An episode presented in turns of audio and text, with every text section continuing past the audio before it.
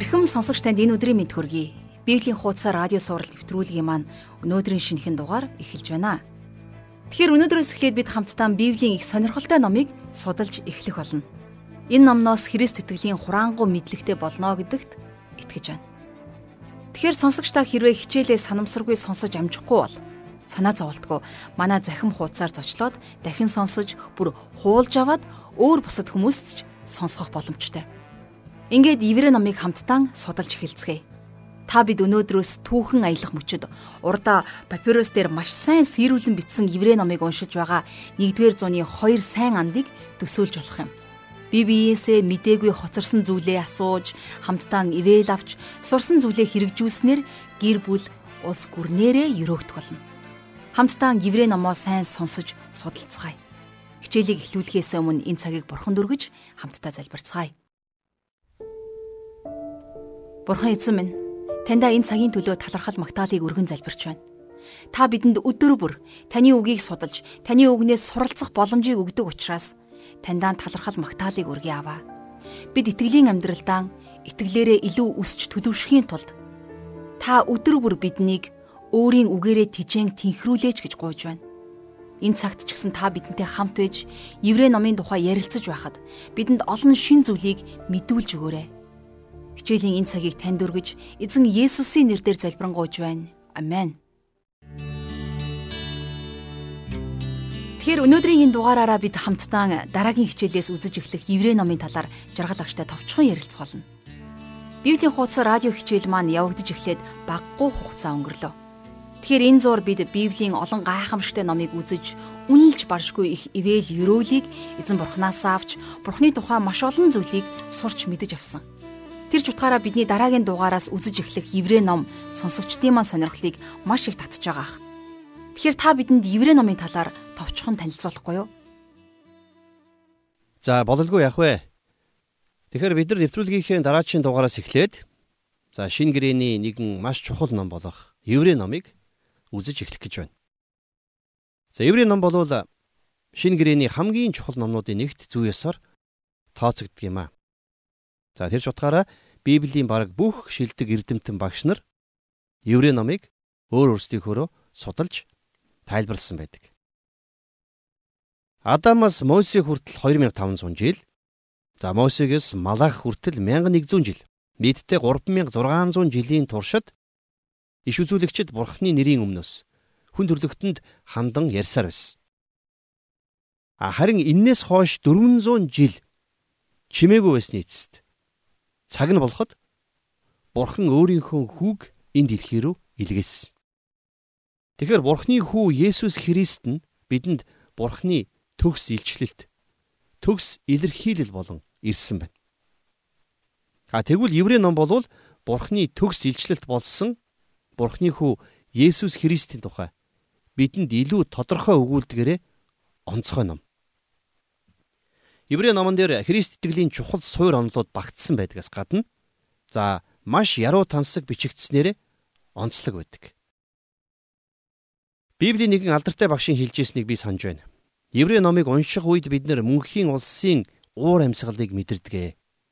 Еврей номыг шимтэн судлах үед бид нар амд шимтээ сүнслэг махаар хоололдог бол Еврей номын сургаалын дагуу амьдрах үед бид нар итгэлийн төлөвшөлд хүрдгиймаа гэж тэр багш хэлсэн юм. Тэгэхээр анхны үеийн зарим чуулганууд еврей намыг хүлийн зөвшөөрдгөө байсан тухай би сонсч байсан юм. Энэ яг ямар учиртай байсан бол? Яагаад еврей ном тухайн үедээ тийм их маргаан дагуулдаг байсан бол? Аха. Тэгэхээр еврей номыг бол зарим нэгэн барууны чуулганыхан хүлийн зөвшөөрдгөө байсан цаг үе бий. За ингэх хид хідэн шалтгаан байсныг нэг бүрчлэн ярих юм бол дэндүү нуршуу урт түүх болно. А гэхдээ ерөнхийд нь аваад үзэх юм бол байна. Тухайн үеийн зарим барууны чуулганууд Израильчуудад хандсан Бурхны онцгой төлөвлөгөөг хүлээн зөвшөөрөх дургүй байсан. Израильчуудад хандсан Бурхны амлалтуудыг чуулган өөртөөгөө холбож тайлбарлахдаа зарим тохиолдолд хитрхи явцуу хандаж Израильчуудад хандсан Бурхны зорилгыг үүсгэж байсан тийм алдаа мадаг байдаг. За энээс болоод бол анхны үеийн зарим чуулганууд антисемитик буюу еврейчүүдийг хавчин гадуурхах үзэлтэй болж за тэгэд еврейчүүдийг хавчин гадуурхдаг болсон тохиолдол хүртэл байдаг.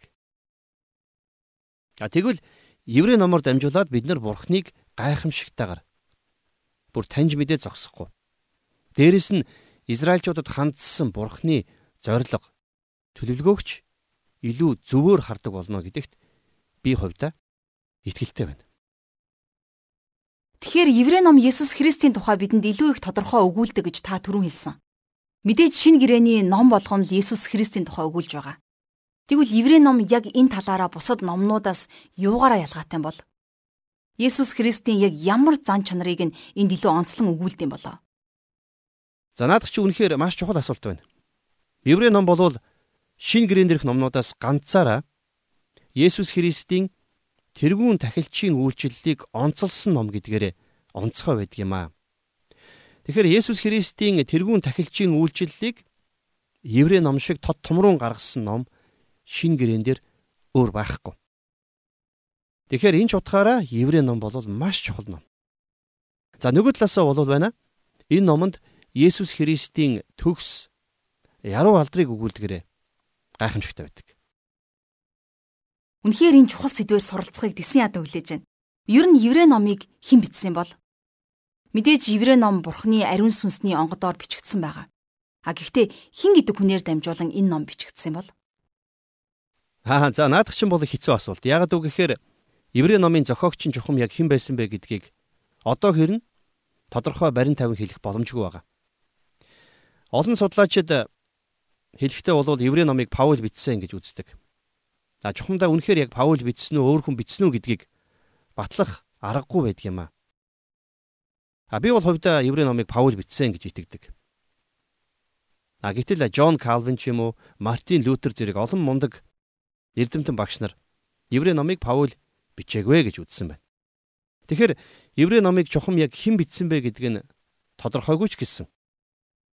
А мэдээж хинч байлаа гэсэн Еврей ном бол ариун сүнсний л онгодоор бичигдсэн бурхны үг гэдэг нь хамгийн чухал байдаг юм аа.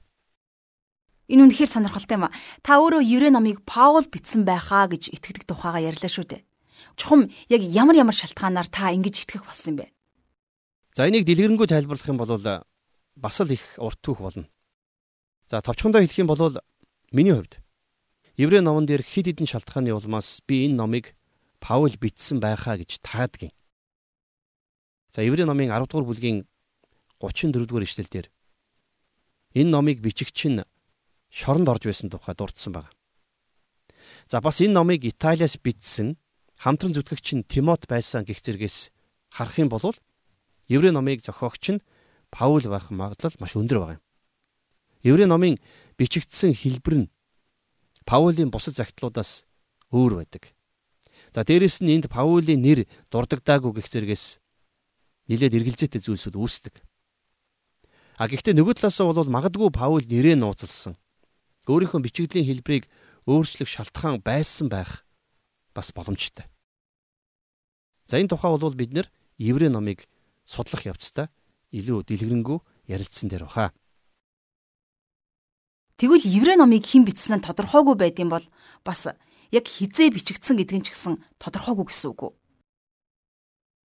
За тийм. Тэгэхээр мэдээжээр Еврей номыг бичсэн хүн тодорхойгүй байдгаас шалтгаалаад Еврей номын бичигдсэн он сарн ч гэсэн баг зэрэг эргэлзээтэй байдаг. За олон судлаачдын үздгээр бол Еврей номыг манай эртний 70 оноос хойш бичигдсэн гэж үздэг. Өөрөөр хэлэх юм бол тэр үед яалаа Иерусалим хоц үрсэн байсан тийм ээ. За тэгээд Илч Паул цаазаар ахуулсны дараа бичигдсэн гэж үздэг. Тэгэхээр ингэж үздэг судлаачид Еврей номыг манай эртний за 90-ад оны үед бичигдсэн байхаа гэсэн таамаглалыг дэвшүүлдэг юм. А харин байна Еврей номыг хэрвээ анхааралтай уншиж судлах юм бол энэ номыг бичигдэх үед Иерусалимийн сүм хараахан нураагдаагүй байгаа юм шиг тийм сэтгэгдэл төрүүлдэг. Тэгэхээр хэрвээ Иерусалимийн сүмийг нураахаас өмнө буюу за яг түүхэн тэмдэглэгдэж үлдсэн өнөөх манай эртний 70 оноос өмнө еврей ном бичигдсэн болвол Еврей номыг Паул бичсэн байх магадлал маш өндөр болж ирж байгаамаа. Еврей ном Есүс Христийн тэрүүн тахилчийн үйлчлэлийн тухай өгүүлдгээрээ шинэ гэрээний бусад номнуудаас онцлог гэж та хэлсэн. Тэгвэл үүнээс гадна ямар онцлогуд Еврей номд байдсан бол? Жишээ нь хамгийн олон давтагддаг үг ч юм уу, бичигдсэн өнгө аяс гэх мэт онцлогийн тад өрдвөл. Аха.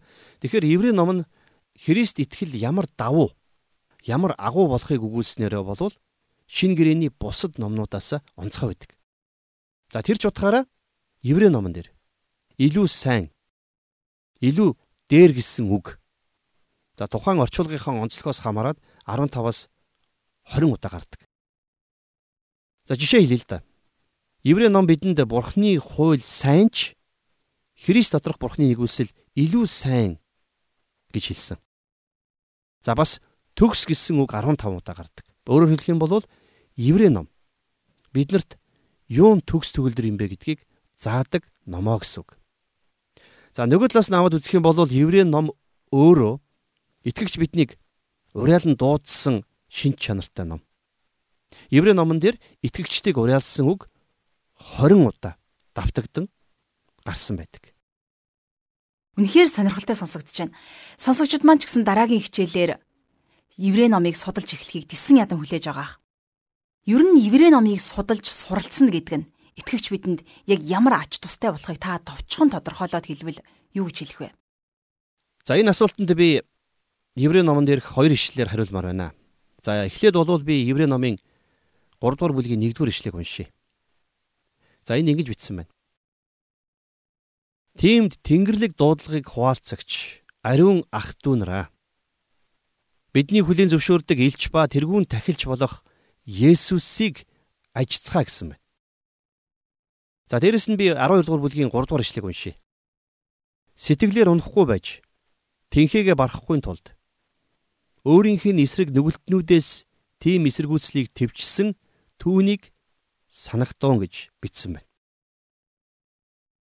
Тэгэхээр бид хамтдаа Еврей номыг судлах энэхүү гайхамшигтай цагуудаар дамжуулаад бид нар яг л энэ хоёр ишлэлд бичигдсэн зүйлийг л хийх болно.